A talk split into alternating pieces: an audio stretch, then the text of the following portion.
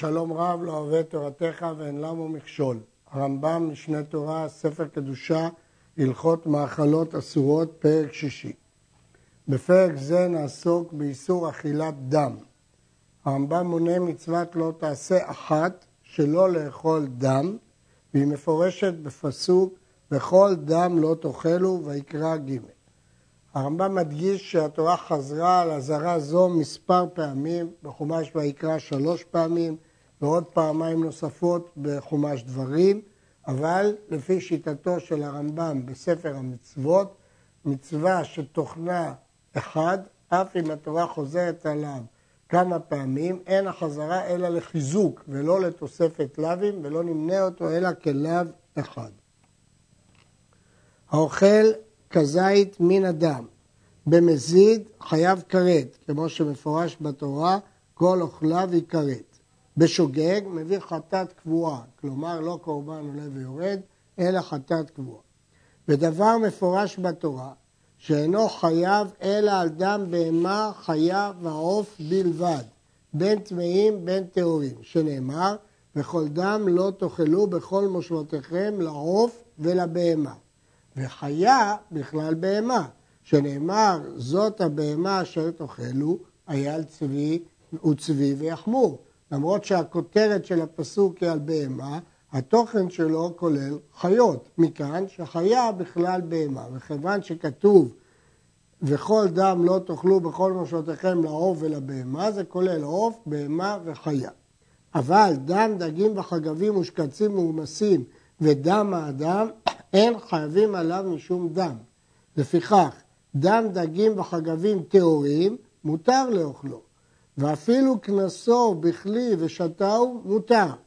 ודם, חגבים ודגים טמאים אסור, מפני שהוא תמצית גופן. כחלב בהמה טמאה, ודם שרצים כבשרם כמו שבעם. אם כן, כמובן שדגים וחגבים טמאים הוא אסור, גם דם שרצים, לא רק שהוא אסור, אלא הוא נידון כבשרם, אבל דם דגים וחגבים טהורים, לפי הרמב"ם, מותר, אפילו הוא כנוס בכלא. הרעב"ד חולק על ההלכה הזאת ואומר שהוא אסור מפני מראית העין כשהוא כנוס בחלי, אלא אם כן יש בו קשקשים. הדין הזה לכאורה מפורש בגמרא במסכת כריתות, אמר רב דם דגים שכנס אסור. הגמרא מקשה מן הברייתא ומתרצת שיש חילוק אם יש קשקשים או אין קשקשים. לכאורה כדברי הרעב"ד. המגיד משנה מבאר שהרמב"ם מפרש שכוונת הגמרא רק להבחין בין דם דגים טהורים שמותר לדג דגים טמאים שאין להם קשקשים ולכן הוא אסור. אבל לא שצריך במפורש לראות את הקשקשים מפני מראית העין.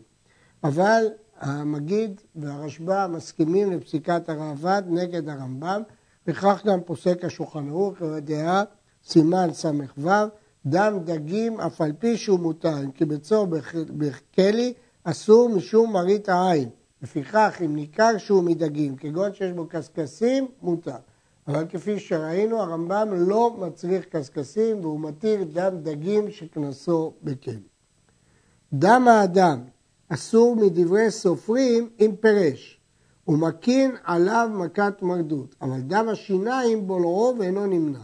הרי שנשך בפת ויצא עליה דם, גורד את הדם ואחר כך אוכל שהרי פירש. כל עוד דם האדם נמצא בתוך גוף האדם, הוא לא אסור לא מן התורה ולא מדברי סופרים. בשעה שהוא פירש החוצה, הוא מותר מהתורה ואסור מדברי סופרים. ולכן, אם אכל תפוח או פת ונמצא עליהם דם מתוך החניכיים, צריך לגרוד אותם כדי לא לעבור על איסור דה רבנן, והטעם הוא מפני מראית העין, כך מפרשים הטור והשולחן ערוך. אין חייבים כרת, אלא על דם היוצא בשעת שחיטה ונחירה, או התזת הראש, כל זמן שיש בו אדמומית, ועל הדם הכנוס בתוך הלב, ועל דם הכזק כל זמן שהוא מקלח ויוצא. אבל הדם השוטט בתחילת הכזק, קודם שיתחיל לקלח, ודם השוטט בסוף הכזק, כשיתחיל הדם לפסוק, אין חייבים עליו.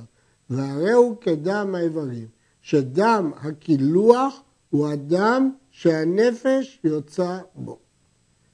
איזה דם חייבים עליו כרת? רק דם שהנפש יוצאה בו. ולכן, אם הוא הרג בעלי חיים, או בשחיטה, או בדקירת סכין, או בהתזת הראש, הדם הזה שיוצא בשעת השחיטה בקילוח הוא דם שאסור. או דם שכנוס בלב, לפי שהוא עיקר הדם, ולכן אם הוא כנוס בלב זהו דם, או דם הכזה, כיוון שהוא הוציא מגוף הבהמה דם, וכשהוא מקלח זורם בחוזקה, לא בתחילה ולא בסוף, אלא בזמן הזרימה הגדולה, לא באיטיות ולא במקוטעת, אז זהו דם שחייבים עליו. אבל דם האיברים אין חייבים עליו. הלכה ד' דם התמצית, הדם שמתמצא בסוף, לאחר יציאת דם הנפש, ודם האיברים, כגון דם הטחול, ודם הכליות, ודם ביצים, ודם המתכנס ללב בשעת שחיטה, שהלב ממשיך להתכווץ זמן מה אחר השחיטה, ודם ממשיך לזרום לתוכו. ודם הנמצא בכבד, אין חייבים עליו כרת. אבל האוכל ממנו כזית לוקה, שנאמר וכל דם לא תאכלו. וחיוב כרת הוא אומר כי נפש הבשר בדם הוא. היא. אינו חייב כרת אלא על הדם שהנפש יוצאה בו. כן הרמב"ם עושה הבחנה בין חיוב כרת לבין מלכות. חיוב כרת זה רק על דם שהנפש יוצאת בו. אבל חיוב מלכות ולאו זה גם על דם התמצית ודם האיברים. עוד נשים לב להבחנה בין דם הלב. דם שכנוס בתוך הלב, חייבים עליו כרת, אבל דם שמתכנס ללב בשעת שחיטה, לא חייבים עליו כרת, אלא מלכות. אגב, יש לציין שגרסת רש"י ותוספות בגמרא היא הפוכה ומחלקת בין הדם המקורי לבין אדם שמתקבץ לחלל הלב בשעת שחיטה, שדווקא עליו יש חיוב כרת. אבל הרמב"ם גורס להפך כגרסת הריף, אה, כמו אה, הרמב"ם והריף גרסו שניהם, שדם שכנוס בלב חייבים עליו כרת, ושמתכנס בשעת שחיטה אין חייבים עליו כרת. הרמב"ם אה, הוסיף לדוגמאות של דם האיברים דם הכליות. אה, דם ביצים, המגיד משנה אומר שמדובר בדם ביצי הזכר, אבל דם ביצי עוף אינו אסור מן התורה.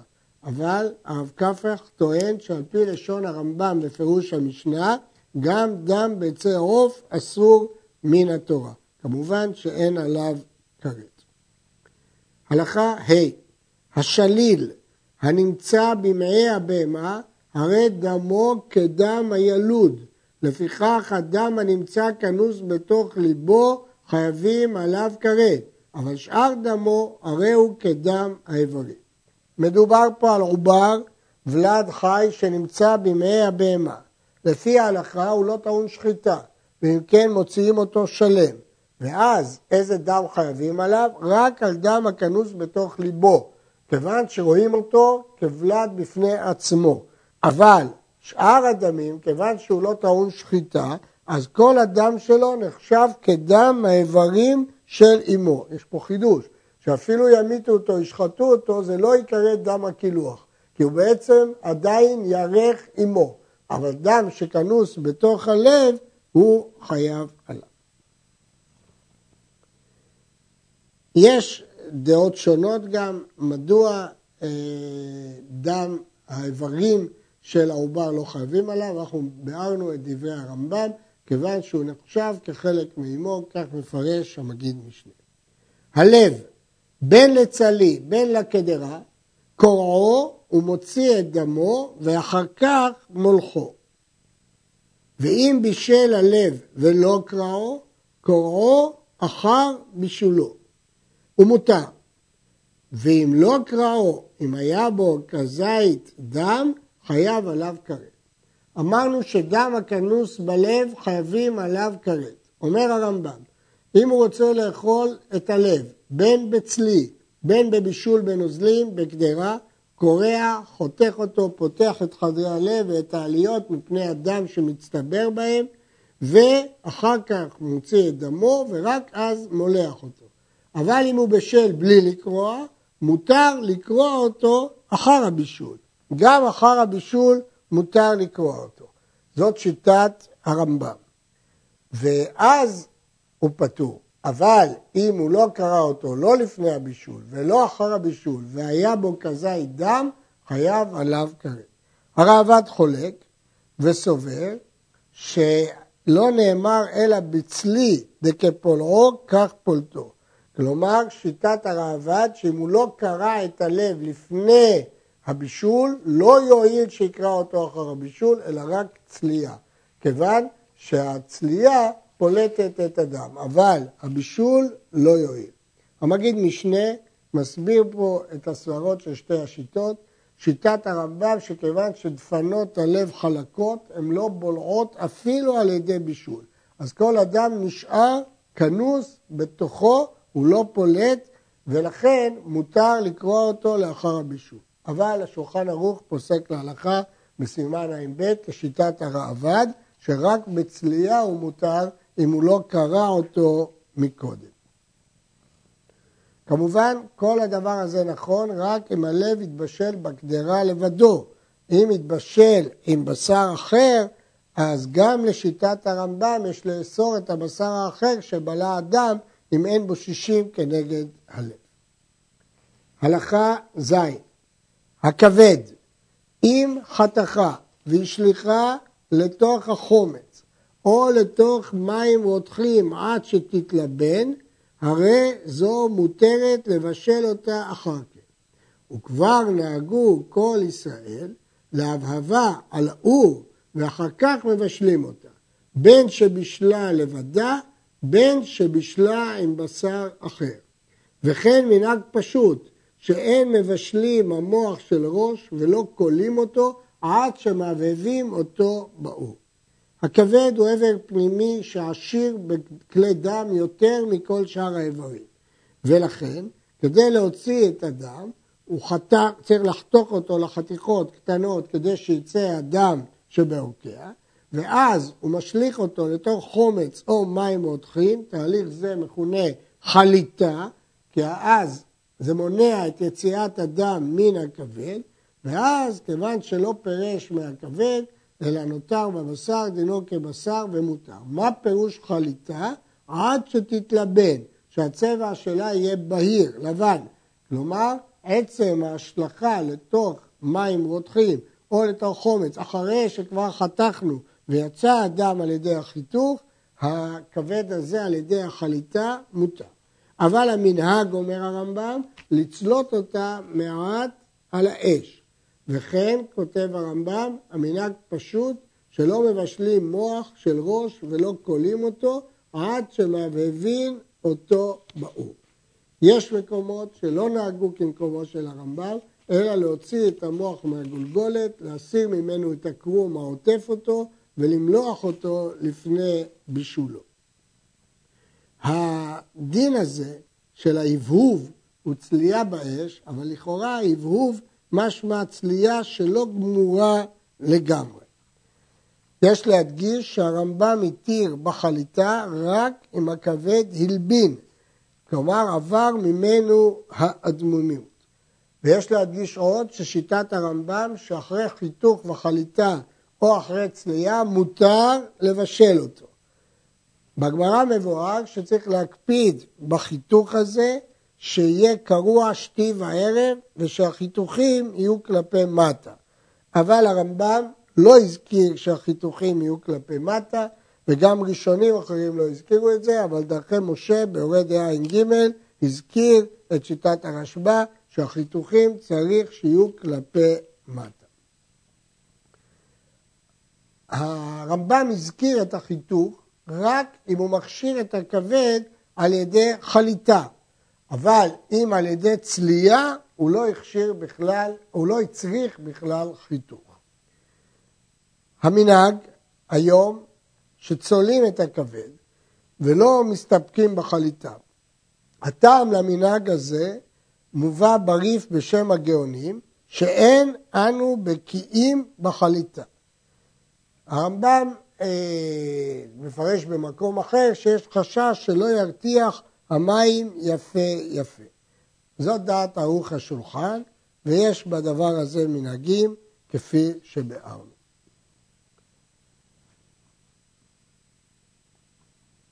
אם הכבד שבשלה ולא יבבה על האור ולא חלתה בחומץ או ברותחים, הוא לא הכשיר אותה לא באמצעות חיתוך וחליטה ולא באמצעות צלייה, הרי הקדרה כולה אסורה, הכבד וכל שנתבשל עמה. אם הוא בישל אותו באיסור, לא רק הכבד נאסר, אלא כל מה שהתבשל בקדרה נאסר על ידי הבישול. אמנם יש ראשונים שפסקו שאם בישלו את הכבד, הכבד עצמה מותרת, אבל הרמב"ם סובר שגם הכבד אסור וגם כל מה שהתבשל עמו בקדרה אסור. אמרנו שלפי הרמב"ם מותר לכתחילה לצלות כבד עם בשר אחר, נלמד את זה בדברי הרמב"ם. ומותר לצלות כבד עם הבשר בשיפוד אחד, אותו שיפוד עם כבד ובשר, והוא שתהיה הכבד למטה והבשר למעלה. ואם עבר וצליה למעלה מן הבשר, הרי זה אוכל. בדיעבד התירו גם להפך. הדינים האלה מפורשים בסוגיה, והשח אה, מבאר שהסיבה היא שדם מחליק וכבולעו כך פולטו, אבל לכתחילה, כיוון שבכבד יש כמות גדולה של דם, אז לכן אנחנו מחמירים שהכבד יהיה למעלה והבשר למטה. רש"י כותב שההיתר הזה הוא דווקא בתנורים שבימיהם, שהניחו את השיפודים מלמעלה למטה, אבל בשיפודים שוכבים, כפי שכותב רש"י, תנורים שלנו, יש לאסור לכתחילה בכל אופן, וכך פוסקים גם הטור והשולחן ערוך, כי בוודאי הצולה ירים לפעמים צד אחד ולפעמים ירים צד אחר. אמרנו לגבי הכשרת המוח שהרמב"ם ציטט את המנהג שמהבהבים אותו באור, צולים אותו.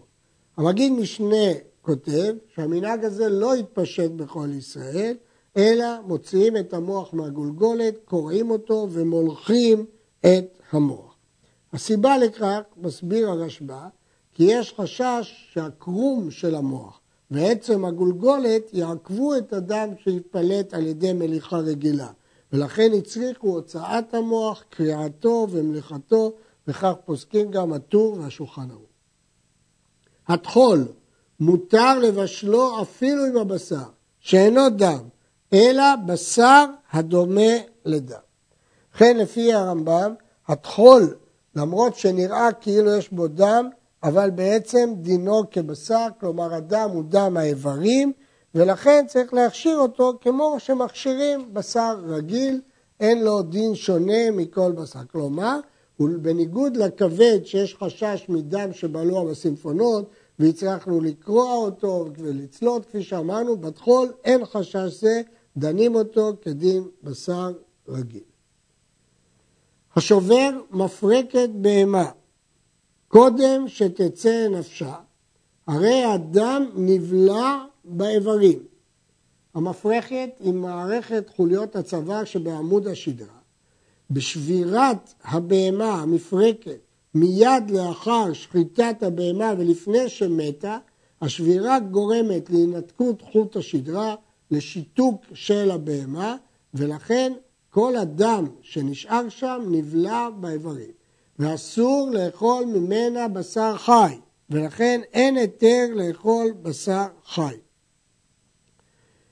אלא אפילו חלתו, פה לא תועיל חליטה. כיצד יעשה? יחתוך החתיכה, צריך לחתוך כדי להוציא את הדם שנבלע, וימלח יפה יפה, ואחר כך יבשל או יצלה.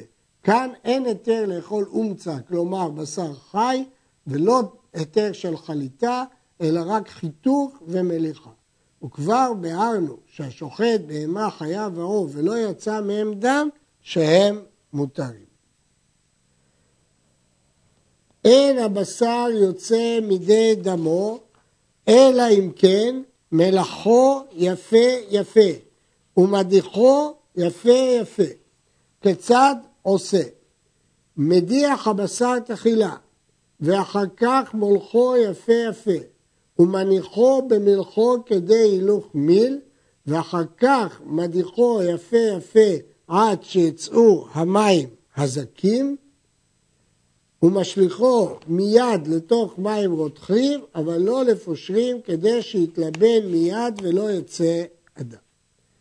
ובכן דעת הרמב"ם, שכדי להכשיר את הבשר צריך מליחה והדחה, יפה יפה. כיצד סדר מליחה והדחה? מדיח את הבשר תחילה, זאת הדחה הראשונה כדי להוציא ממנה את הדם שעליה.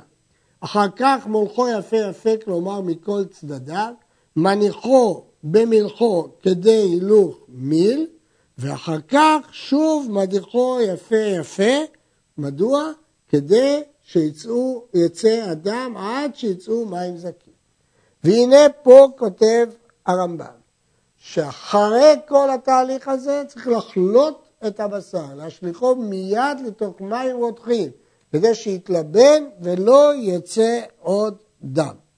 זאת שיטת הרמב"ם שמצריך חליטה אחרי המלאכה, ורק כך הוא מכשיר את הבשר וכן נוהגים בני הדת תימן עד היום. הרעב"ד מגיב על זה, לא שמענו ולא ראינו מימינו. וכל הדמימות שיצא אחר מלאכה ממנו אינו אלא חמר בשר, והמחמיר יותר מכן עליו להביא ראיה. כלומר, לפי הרעב"ד, אחרי שמלכנו והידחנו, אם יצא עוד דם זה רק חמר בשר, יין של הבשר, אין לו דין דם והוא לא אוסר ולכן אין צורך בחליטה. אבל שיטת הרמב"ם שצריך חליצה.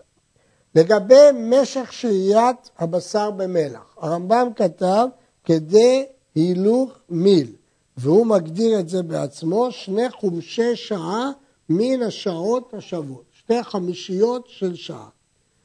שיטה אחרת נאמרה שצריך כדי שיעור צלייה. תרומת הדשן אה, מבאר כשיעור מיל שפסק הרמב"ם הוא כ-18 דקות. אבל הרבה פוסקים מסבירים שזה כ-24 דקות. ויש אומרים שצריך להמתין כשעה כשיעור צלייה.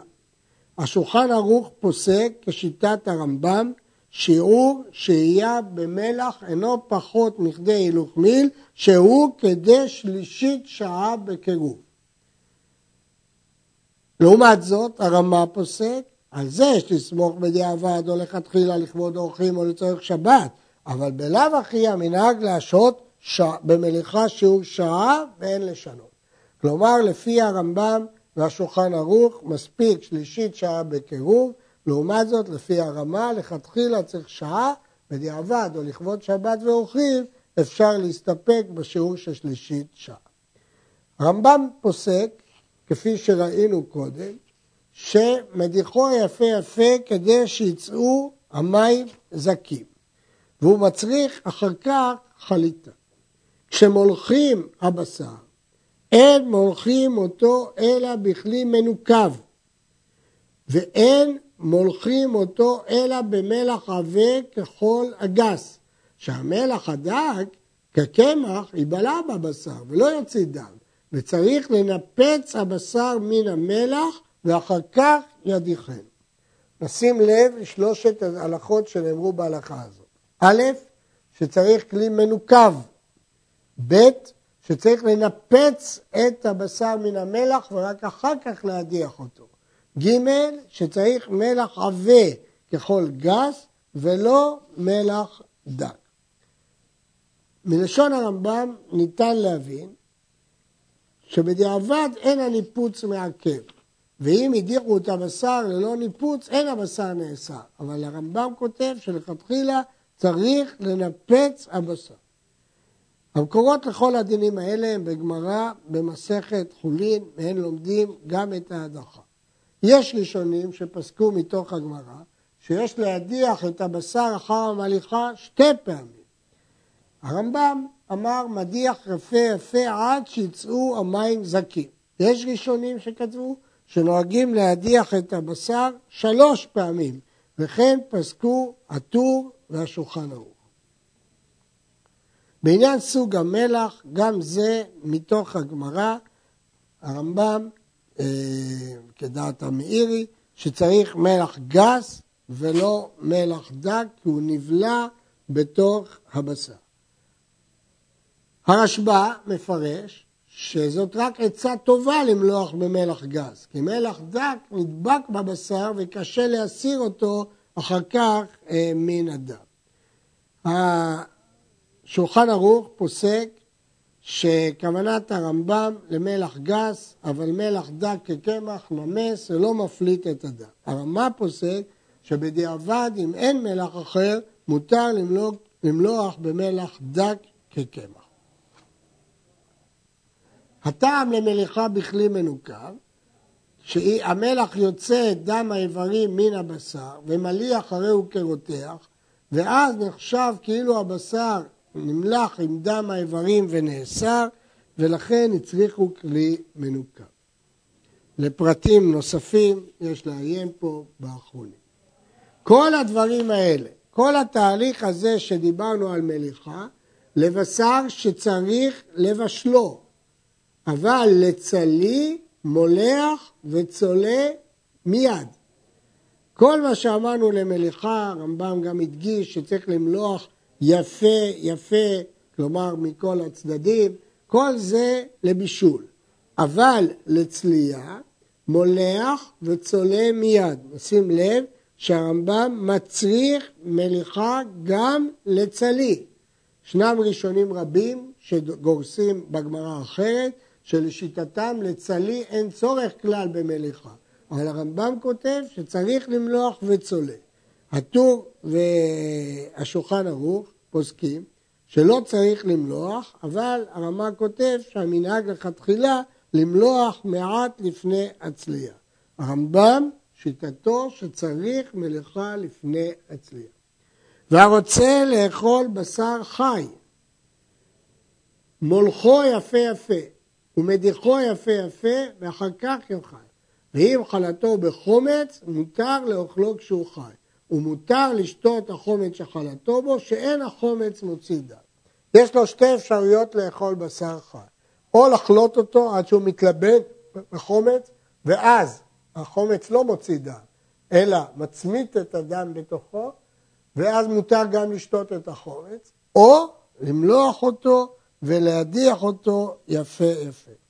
הרעב"ד חולק על הרמב"ם וסובר שבשר חי מותר באכילה לאחר הדחה בלבד, כיוון שבלי בישול הבשר לא יצא, וזה יישאר דם האיברים.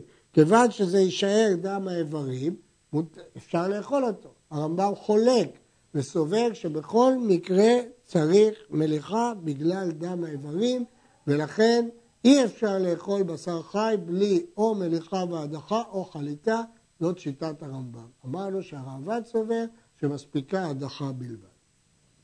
חומץ שחלט בו בשר, לא יחלוט בו פעם שנייה, וחתיכה שהדימה בתוך החומץ, היא והחומץ אסורים, עד שימלח אותה יפה יפה ויצלה. לכן אסור לחלוט פעמיים באותו חומץ, כך מפורש בסוגיית הגמרא, שאי אפשר לחלוט כי החומץ נחלש ולא יוכל כבר להצמית את הדם.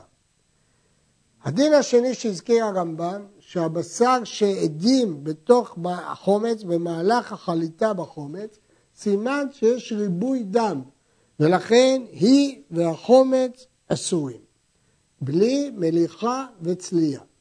הרעב"ד חולק על הדין הזה וכותב, קבלת זה האיש זרה היא אצלנו. כי הוא מפרש אחרת את הגמרא אה, כפי שמפורש במפרשים פה. בשר שהדים וכן ביצי בהמה וחיה בקלף שעליהם וכן העורף שבו המזרקים מלאים דם, בשר שהדים, כלומר הוא קיבל מכה והוא אדום, או ביצי בהמה וחיה עם הקרום שעליהם, קרום שעוטף אותם, עורף שיש שם אה, עורקים שזורקים דם אל המוח, מזרקים, מלאים דם, אם חתכם ומלאכם כדת, מותר לבשלם. כי החיתוך יוציא את הדם והמליחה תגמור את תוצאת הדם. ואם לא חתכם, וצלעם בשיפוט וצלע העורף ופיו למטה, או שצלעם כולם על הגחלים, הרי אלו מותרים. כי אז הדם יוציא, הצליעה תוציא את הדם למטה, אבל אם לא, זה אסור. ראש הבהמה שצלעו בתנור או בכבשן, אם תלעו ובית שחיטתו למטה, מותר שהדם שוט... יוצא ושוטט. ואם היה בית השחיטה מן הצד, מוחו אסור, שהדם מתקבץ לתוכו. שאר הבשר שעל עצמות מבחוץ, מותר. הניח חותמו למטה, אם הניח בו גמי או קנה כדי שיישאר פתוח ויצא דמו דרך חותמו, מותר. ואם לאו, מוחו אסור. דיני הכשרת הראש. יש הרבה דם בראש, וכדי להוציא את הדם, הצלייה צריכה להיות שבית השחיטה יהיה למטה כדי שהדם יצא, וגם החותם יהיה למטה ויכניס קנה בתוך החותם כדי שהדם יצא.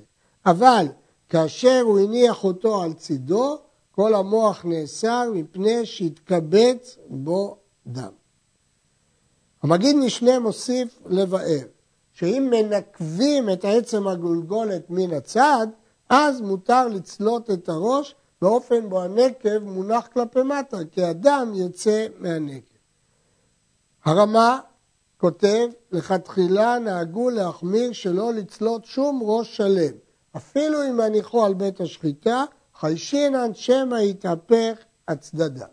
כלומר, למרות שהרמב"ם והשולחן ערוך התירו על פי הגמרא לצלות את הראש כאשר בית השחיטה למטה, הרמב"ם מחמיר בזה בשם תשובת הראש, ואומר שחייבים לחתוך את הראש, להסיר את המוח ולמלוח אותו, כי יש לחשוש שלא ישימו אותו למטה כהוג. הלכה ט"ו אין מניחים כלי תחת הצלי לקבל מימיו עד שתכלה כל מראה הדמומית שבו. וכיצד עושים? משליכים לתוך הכלי מעט מלח ומניח הכלי עד שיצל ולוקח השמנונית שלמעלה והמים שלמטה שתחת השמנונית אסורה. יש בעיה, אדם רוצה לאכול את הרוטב שנוטף מבשר הצלי, אבל כשהצלי אדום, הרוטב הנוטף ממנו הוא דם. כשהוא לא אדום, הרוטב הנוטף ממנו הוא שומן. ואם הוא רוצה להשתמש ברוטב הזה, הוא משליך מעט מלח, ואז השומן יצוף למעלה, החלק שצף למעלה הוא צלול והוא שומני, ולכן זה מותר, והשאר אסור. אה, רש"י מבאר שנתינת המלח מועילה משום שהמלח שוקע בשולי הכלי, שואב אליו את הדם, ואילו השומן צף למעלה. כמה מלח צריך לשים? הטור אומר שניים או שלושה גרגירים. פוסקים רבים אומרים שאנחנו לא בקיאים היום מה נחשב מעט או הרבה מלח, כך מביא הבית יוסף, פוסקים רבים, ולכן היום לא נותנים כלי תחת הצלי בשעת צלייתו. פת שחתך עליה בשר צלי, מותר לאוכלה. למרות שהפת ספוגה במועל שיוצא מן הצלי, הפת מותרת. הרמב"ם לא אמר מה שיעור הצלייה כדי שהפת אחריו תהיה מותרת. מסתבר שמדובר בצלייה שהבשר ראוי לאכילה לרוב בני אדם, ואכן כך פסקו הטור והשולחן ערוך יודע סימן ע"ו. ראשונים אחרים פירשו שמספיק שנצלה כמאכל בן דרוסאי, שהוא שליש או מחצית הבישול. יש אומרים שעד שיצלק כל צורכו, והדיון הזה מופיע בפוסקים פה. דגים ועופות שמלאכן זה עם זה, אפילו בכלי מנוקד, הדגים אסורים. שהדג רפה ובולע דם היוצא מן העוף, ואין צריך לומר אם מלאך דג עם בשר בהמה או חיה. מסבירים המפרשים, אם אדם מולח שתי חתיכות בשר זו בצד זו, אין האחת בולעת דם הנפלט מחברתה כל זמן שהיא פולטת, כי כל דבר שהוא פולט הוא לא בולע. אבל אחרי זמן, אחרי ששרה הבשר במלחו זמן מה, אז החתיכה יכולה לבלוע דם הנפלט. בשר עוף ובשר חיה ובהמה ודג הם שונים, ולכן הדג שמלח אותו עם העוף, הדג הוא רפה והוא מספיק לפלוט עוד לפני שהעוף גמר לפלוט, ולכן הוא בולע כי הוא רפוי וחתיכת הדג נאסרת. יש אומרים, יאויין בשולחן ערוך, שאם לא הסירו את הקשקשים מחתיכת הדג, אין הוא ממהר לפלוט, הוא לא רפוי, ואז הוא לא נאסר, כך כתוב בשולחן ערוך יורה דעה. עופות שהניחם שלמים, לא חתך אותם, ומילא חללם בשר וביצים ובשלם אסורות, שהדם יוצא לתוכן, ואף על פי שמלאכן יפה יפה. ואפילו היה הבשר שבתוכם שלוק או צליל.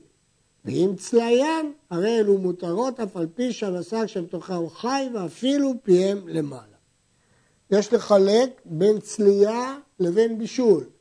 בצלייה הדם יוצא, אבל בבישול הוא יוצא פנימה, ולכן כל המילוי שמילאת את העוף השלם הזה ייאסר מפני שהדם נפלט פנימה.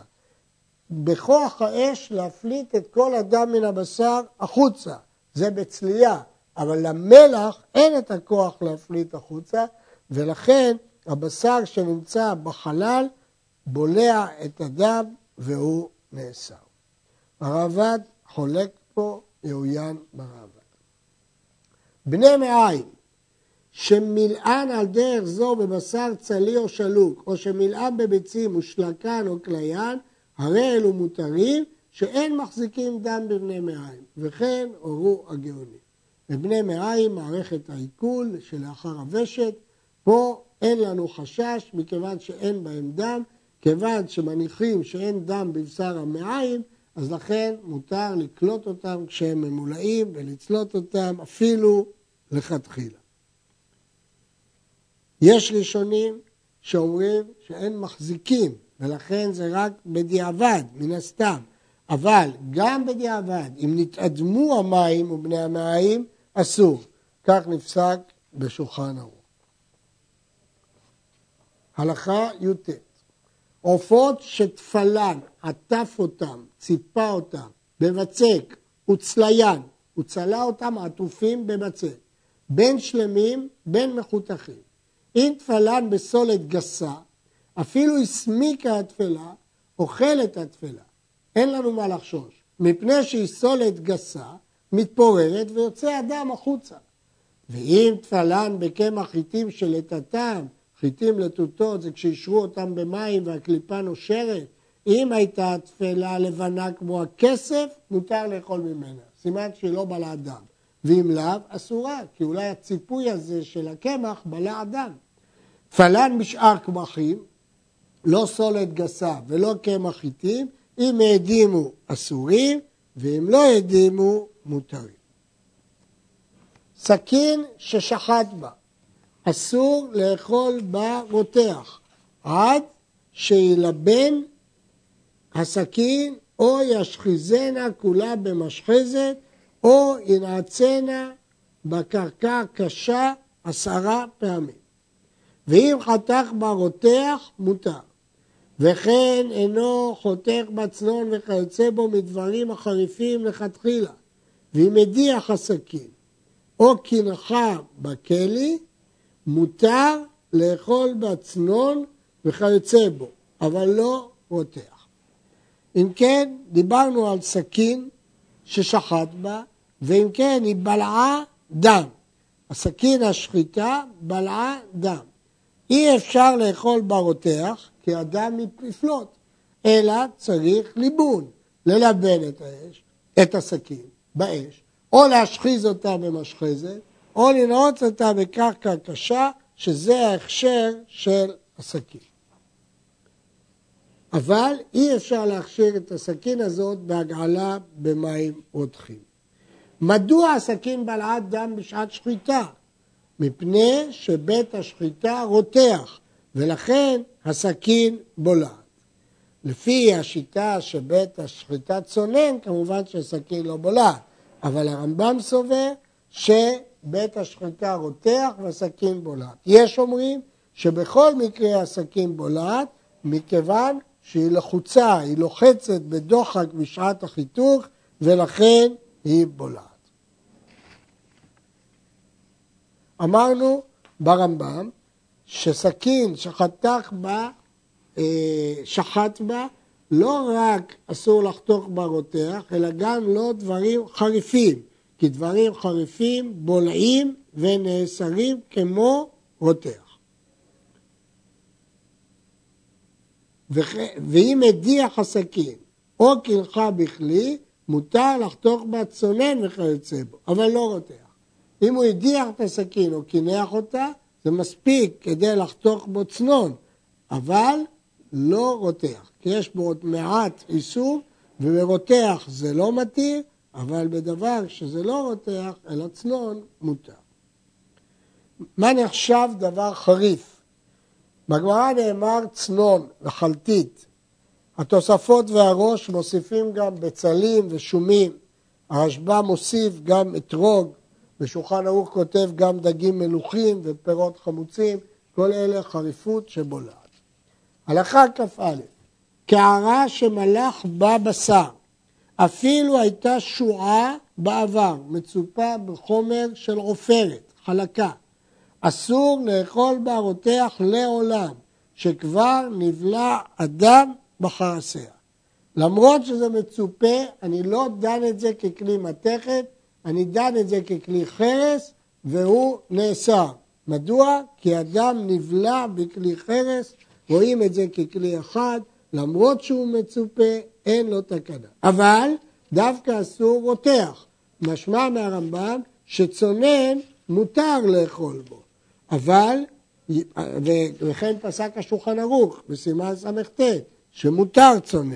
אבל דעת הר"ן והטור מביא את הדעה הזאת, שאסור בקדרה זו אפילו צונן. והדברים תלויים בביאור הגמרא. עד כאן.